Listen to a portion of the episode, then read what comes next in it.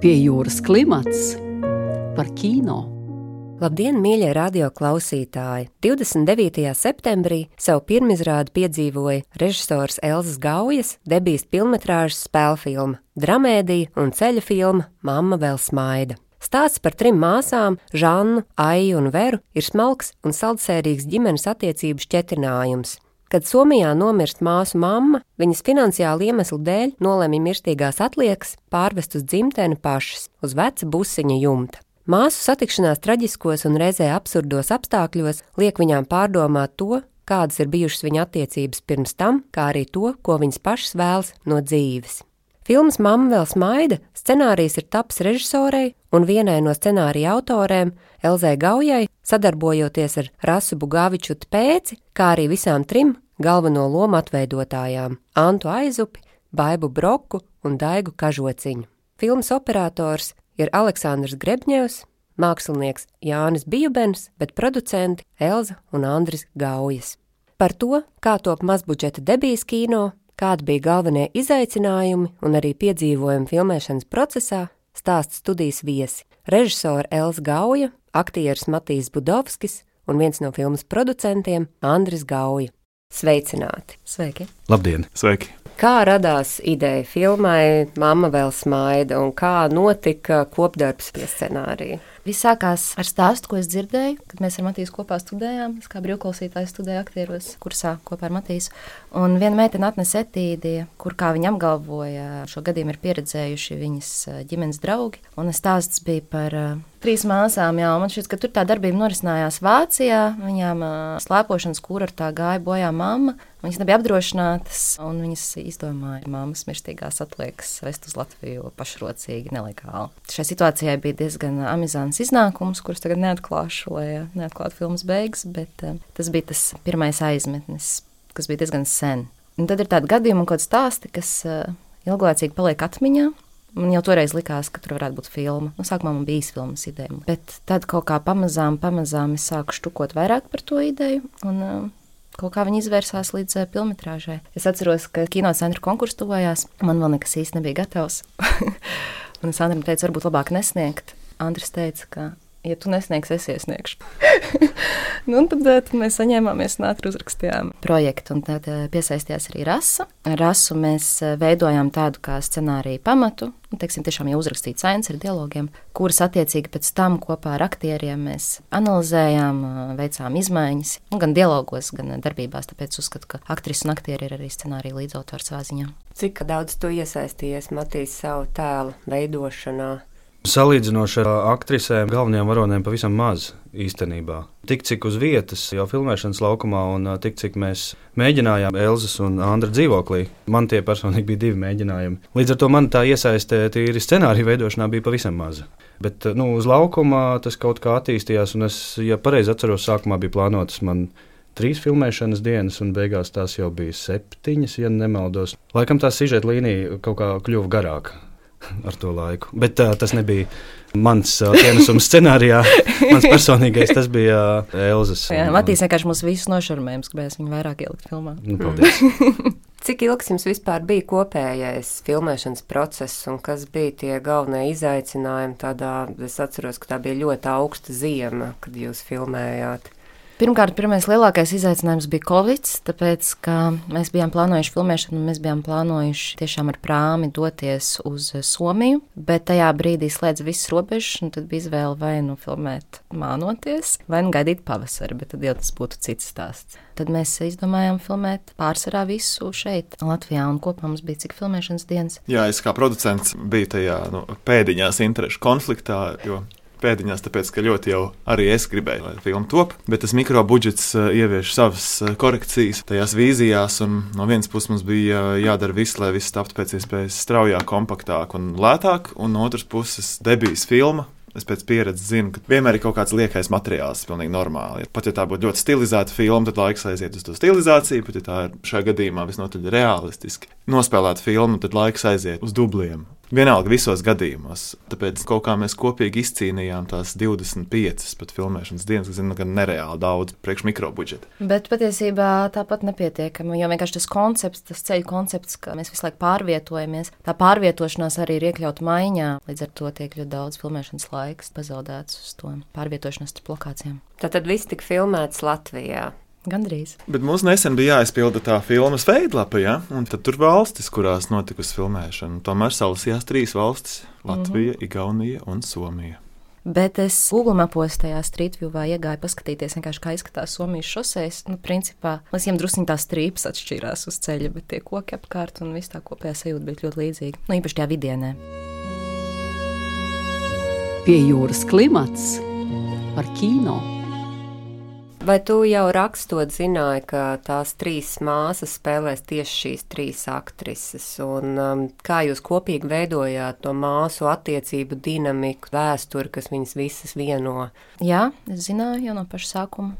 Viņas uzreiz viss ienāca prātā. Kaut kā nebija šaubu vispār par to. Tie tēlu apraksti gan bija jā, aptuveni jau pirms tam, pirms viņas pievienojās projektam. Līdz ar to iespējams tāpēc arī tika izvēlētas tieši šis trio. Kaut kā baigi interesanti bija tas, ka viņu savstarpējā attiecība dinamika, piemēram, mēģinājumos bija diezgan līdzīga, kāda bija paredzēta māsu tā attiecība dinamika. Un tas bija kaut kāds tāds interesants process. Kaut kā viss tā saslēdzās pareizi. Kurai māsai tev liekas, tu esi vislīdzīgākā? Man liekas, ka, zin kā, ka tu raksti jau katrā kaut ko no sevis ieliec drusku. Matīs, kā tev bija pievienoties tam izveidotajam trīs aktrišu kodolam? Es jau godīgi nezinu, kad jūs sākāt jau pie tā visa strādāt. Es tikai sapratu, ka tad, kad es atnācu uz pirmo mēģinājumu, ka darbs jau bija iesākts.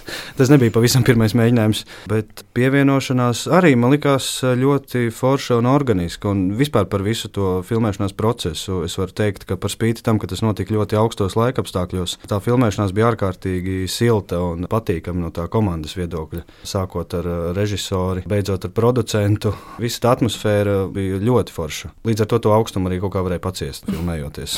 Bet augstums bija tiešām liels. Es arī uzreiz metos iekšā, kad Elza man pirmo reizi uzaicināja uz tikšanos. Mēs vienkārši satikāmies. Viņa teica, ka es filmēšu filmu, un es gribētu, lai tu spēlē lomu trīs dienu filmēšanās. Es Elzai uzreiz arī piekritu, pat nezinot, par ko būs stāsts. Un ļoti labi, ka piekritu. Darbs ar Elzu tiešām bija ļoti foršs. Un, uh, man ir liels prieks redzēt, kā viņa strādā uz laukuma kā režisore. Man tas bija uh, sava veida atklājums. Jo tad, kad mēs mācījāmies kopā un veidojām etīdes, tad tas ir viens, bet redzēt, kā šis cilvēks, ar kuru likās, ka tu viņu it kā zini, kā viņš profesionāli beigās strādā uz laukuma filmēšanas, kur tas apjoms vispār, lai to visu savākt. Jā, man likās ļoti jaudīgi un man liels prieks, ka es varēju būt daļa no Elzas pirmās filmas filmas. Kas tev bija pašam tāds lielākais izaicinājums, kas tev bija filmā jādara? Nu, tā angļu valoda man īstenībā arī bija pirmā vērā ņemamā kino loma. Šajā lomā man bija jāspēlē lietuvietis, un visa saziņa manā gadījumā notika angļu valodā.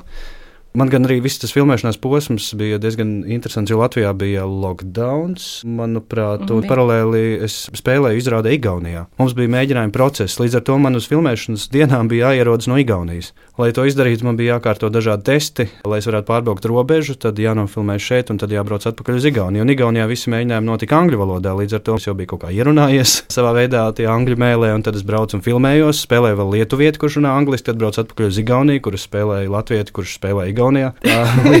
Līdz ar to man bija tāds Baltijas ceļš, filmējoties. Bet tas arī bija izaicinājums runāt angliski, kas nav mana dzimtā valoda. Vēl pie tam filmā nu, tas man nebija vieglākais no uzdevumiem, bet manuprāt, kaut kā jau tiku galā.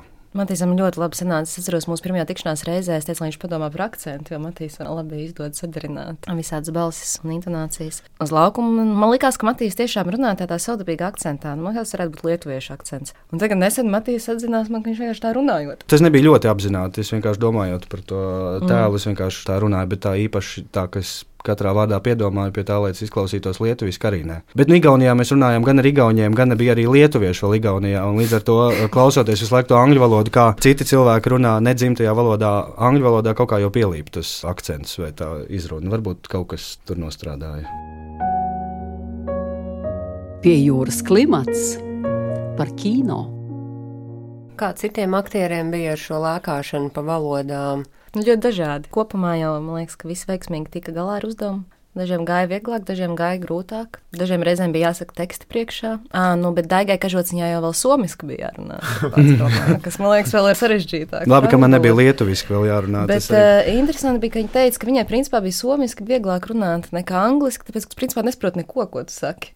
nu, tikai fonētiski atkārto, un tev nav tāda kompleksa, piemēram, kā tad, ja tu runā angliski. Tu apmēram zini, kā tam jāizklausās, un tad tev šķiet, ka tev tur ir kaut kāds akcents tāds vai šāds. Bet somiski esot bijis vieglāk. Bet man liekas, ka tas nodoms šeit jau palīdzēja. Tas nodoms jau bija klībā angļu valoda, mm. jau saknē. Tā valoda, kādā runājam mēs, Eiropieši, bija speak as we, as we can. Tieši gribēju teikt, jā, ka tas jau īstenībā tā arī dzīvē notiek. Nu, jā, tas atbilst stāstam, jo neviens jau. Ja viss runā perfektā angļu valodā, mm. tas būtu atkal vēl jo jocīgāk, man liekas, nekā, ja tie līmeņi atšķiras tajā mm. valodā, tas ir pilnīgi normāli. No režijas viedokļa brīžiem dīvaini, ka ir kaut kāds ainas, tur bija arī somu aktieri brīžiem, nu, kas runāja somiski, neko vispār nesaprot, ko viņi saka. Tu noskaties to dublu, nu, tu tā kā uzticies, ka varbūt apmēram viņi pateica to, kas jāpasaka, bet pa lielam tā kā vārds vārdā tu nesaproti. varbūt viņi kaut ko pilnīgi citu tev ir ierunājuši. Vai filmā ceļos arī uz Somiju? Mēs vēl nezinām, mums ir sales aģents, pārdošanas kompānija. Tas ir tāds pieredzējis veterāns Saša Vīzers. Viņš izplatīja, ap citu, arī upurgu. Viņam patīk uh, šī reģiona filmas.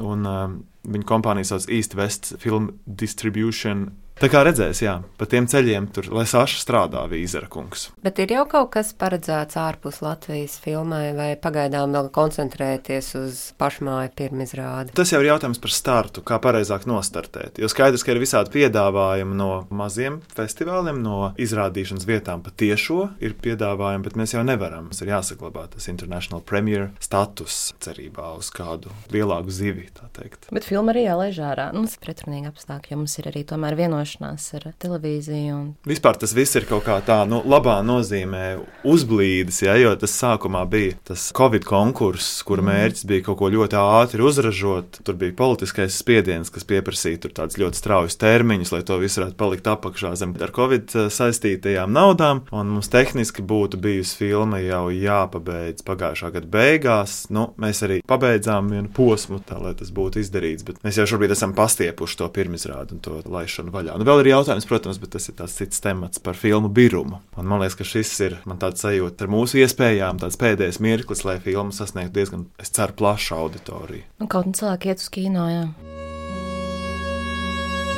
Pie jūras klimats par kino. Vai tev nebija mazliet bail veidot savu debijas filmas filmu par kaut ko, ko daudz uzskatīja tādu, nu, mazliet pat melnu tēmu?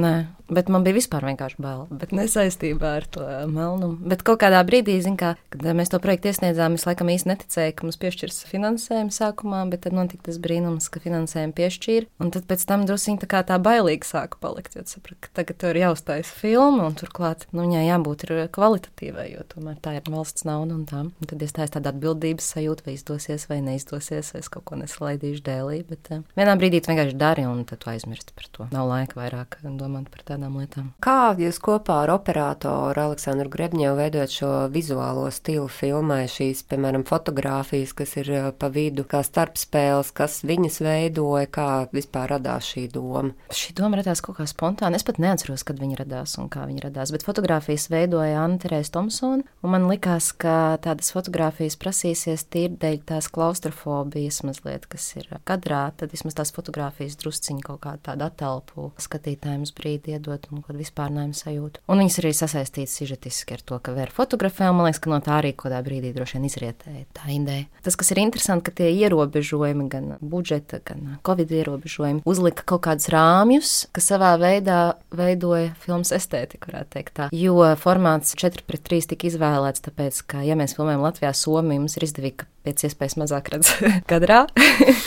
Absolūti tā kā vienkārši pragmatisks lēmums. Tas pats ar to, ka mums ir ļoti daudz aktieru tūplānā, nevis koplānā. Tas arī izriet nu, no līdzīgiem apsvērumiem. Un turklāt, teiksim, tas formāts mēs ainas spēlējam no sākuma līdz beigām ar kustīgo kameru, zumēšanos un tā tālāk. Viņš patiesībā ļauj strādāt ātrāk nekā, ja tev ir sagatavots uzlikts kompozīcijas, kur tu mēģini kaut ko noslīpēt, tur ilgi līdz galam un kaut kas tur ar to, tad tur ar gaismām, tā tu vari laist ainu cauri no sākuma līdz beigām, mainot fokusu, katreiz vienreiz vienu aktrisi vairāk filmējot, otrais citu, trešo reizi trešo. Tādā veidā to ainu var tiešām daudz ātrāk ātrāk uzfilmēt. Kas ir tāds, kas jums pašiem personīgi pietrūkst Latvijas kino ainā? Ko jūs vairāk gribētu redzēt, kādas filmas? Nu, vēl maratons ir tikai sācies, ja? tad mēs varētu atgriezties pie šī temata kaut kur.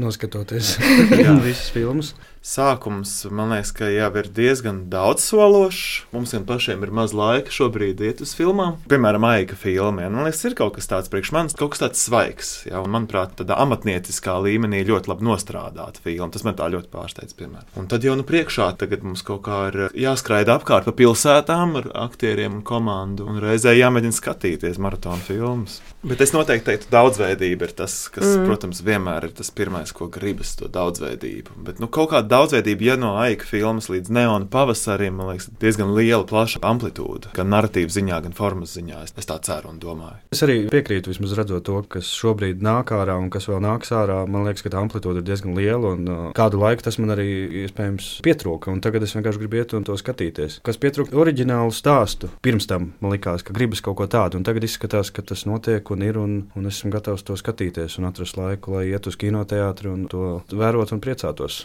ņemot vērā to, cik visi tagad, protams, ir pieraduši visu skatīties mājās, bet kāpēc kino ir domāts tam kinoteātrim? Šī raidījuma auditorija ir visnotaļ izglītota. Un, protams, rēķinās ar to, ka kino kaut kādā mākslinieckā tehniskie paņēmieni nekādā gadījumā nav salīdzināmi ar to, ko mēs saucam par ierīcēm, ar kurām var kaut ko uzfilmēt. Ir kaut kāda ļoti reta izņēmuma, kad ar mazajām ierīcēm kaut kas jaudīgs ir tāpis. Nu, kaut vai sāksim no optikas un stikliem. Tā kino optika tas ir kaut kas ne tikai ārkārtīgi dārgs, bet arī ārkārtīgi izsmalcināts attēlu ziņā. Un tas ir paredzēts tam, lai šo attēlu projicētu uz liela projekcijas laukuma. Mums vispār ir Ziemeļā Eiropā vislielākais ekrāns. Vispār lielā, lielā reģionā šis aizsens ekrāns, kur mēs parīt rādīsim filmu. Nu, un arī visos citos aspektos mizanscēnas aspektā, vai ne? Tas viss ir veidots zināmā apjomā. Katrs šis elements, kas filmā ir ielikts, ir eh, ielikts rēķinoties ar tā projicēšanu uz liela ekrāna. Tas būtu ļoti vienkārši izsakoties, bet nu, tā tas ir. Man šķiet emocionāli arī, ka vienkārši, kad aizej uz kino un ka tas tajā tumšajā telpā ar to milzu ekrānu un labu skaņu, kaut kā tu daudz vairāk var iegrimt tajā kino darbā. Vairāk nekā mājās pie televizora, kur ir viss kaut kas vēl apkārt, kas traucē un novērš uzmanību un tā tālāk. Jā, kinoteātris iedod tādu apusēju vienošanos starp uh, filmu un skatītāju, ka šis laiks tiek veltīts šai filmai, uzmanība ir nedalīta, plus vēl uz augstas kvalitātes ekrāna un augstas kvalitātes skaņu un visiem pārējiem komponentiem, kas pieder pie rādīšanas. Tas pats par teātri. Tas ir tāds vienkārši sadarbības līgums. Jūs skatāties, mēs rādām tā, tādu vienošanās, kas dod pilnīgi citu pieredzi nekā mājās. Vai... Visam varbūt vēl īsi gribētu par valodu piebilst, un tomēr tā mūsu valoda jau ir tikai šīm Latvijā tapušajām filmām. Un tas komunikācijas subtilitātes līmenis ir, es domāju, nesalīdzināms ar svešvalodā skatītām filmām. Tā tās ir tās vērtības. Tas, ka no filmām gribas paģērēt vairāk kvalitātes, vairāk jaudas, vairāk jaunradas, tas, protams, skaidrs. Es ceru, ka vien mazāk būs tādu Ramdana filmu. Pie jūras klimats par kino. Ko jūs visi iemācījāties šī procesa laikā, kas ir tāds lielākais guvums? Grūti kaut kā tādu tieši vienu lietu, man liekas, minēt, jo vienkārši viņu ir tik daudz, ka katra kļūda vai tieši kaut kāda izdošanās vai notikums rezultējas pieredzē, kur tu pēc tam vari pielietot, filmējot citas filmas. Jo tie jau zini, nu, iedarīšu tā, tad būs tā, iedarīšu tā, tad visdrīzāk būs tā. Bet uh, kopumā man liekas, ka vislielākais iegums bija tas, ka tā filmēšana bija tik ārprātīga. Tagad jebkura cita filmēšana liekas tā kā brīvdienas apmēram. Tagad strādāju pie otrā otrās eh, filmas spēļu filmas. Mums tuvojas tagad otrais filmēšanas posms. Tad, kad mēs sākām filmēt, es nācu filmēšanas laukumu, kaut kāda dīvaina sajūta bija. Pārāk mierīgi viss notiek. Kā, nav īsti problēma. Kaut, kā, kaut kas tā kā pietrūka. Bet tad saprotu, ka vienreiz es izgāju cauri tam procesam, ka katru reizi laikam vienkārši paliek drusciņiem vieglāk. No nu, emocionāli tīri. Nu, es ieguvu arī to sajūtu, ja iepriekš es biju redzējis, kā top tādas apjomīgas filmas ar masu skatiem un milzīgu komandu, tad eh, no šīs eh, filmas, ko es noteikti ieguvu, to, ka es sapratu, ka uz filmēšanas laukuma ir iespējams iegūt to pašu intimitāti, ko tu vari iegūt strādājot mazā kolektīvā teātrī. Man tas bija atklājums, ja man bija nojausma, ka varbūt tas ir iespējams, tad šajā procesā es to atklāju, ka tas ir iespējams, un uh, to es ļoti izbaudīju. Droši vien, ka man kā producentam kaut kā būtu jāmēģina paskatīties uz, uz visu iesaistīto esi komandu. komponists un montāžas režisors. Nu, man liekas, ka mākslinieckā ziņā filma kaut kādā ziņā paradoxālā kārtā pat ir ieguvusi no tā, ka tā ir tapusi ļoti asketiskos apstākļos. Pēc kaut kādas zināmas ļoti nosacītas analoģijas varētu teikt par teātri, ja, kad tiek strādāts ar tādiem paņēmieniem, ar kādiem tu izvēlies strādāt. Tu vari strādāt tukšā zālē un radīt brīnišķīgu teātris izrādi. vai ne? Tas nenozīmē, ka tev ir jābūt ārkārtīgi daudz resursiem scenogrāfijā un jāpieblīvē skatu ar scenogrāfiju. Pēc šīs analoģijas sakot, mums ir vienkāršs attēls, mums ir vienkārša scenogrāfija, bet uh, es domāju, ka ļoti kaut kas tīrs tajā visā ir. Nu, es skatos uz Elzas darbu, nevis uz savēju un uz kolēģu darbu šajā aspektā. Kaut kas ļoti tīrs, man kaut kas ļoti sirsnīgs liekas tajā filmā, kas ir sanācis tieši šajos asketiskajos apstākļos. Es personīgi esmu gatavs diezgan lielām, manuprāt, grūtībām brist cauri, lai kurš darbs taptu, un es vienkārši ļoti novērtēju to, ka arī tiem mūsu superprofesionāliem kolēģiem izrādās arī mm. ir tāds pats entuziasms, jo Elzai bija tā izdevība tomēr strādāt nu, tādā īstā rūtīta profesionāla komandā. Dzintra Bijubēna ir Grims, Līga Krasona ir tērpa, Jānis Bijubēns ir māksla, Aleksandrs Grebņevs ir operators un citi aktrises un aktieri. Ja, nu, manuprāt, tomēr tas, ko jūs redzēsiet beigu titros, tas ir tāds uh, lielais kino, vienkārši tapis kaut kādā tādā kamerizrādes versijā. Tas, kas man ļoti iepriecināja, ir, ka cilvēki, kuriem tiešām ir jau diezgan pamatīgs profesionālais stāsts, ir spējuši nezaudēt to mīlestību uz darbu un uz kino un kaut kā to entuziasmu vienkārši darīt pēc labākās sirdsapziņas, nevis tikai tik, cik pienākums prasa. Nu, tad, kad aktrises skatījās uh, melno sēnes, un tad, kad viņas atļaušos tomēr atklāt to, ka viņas smējās,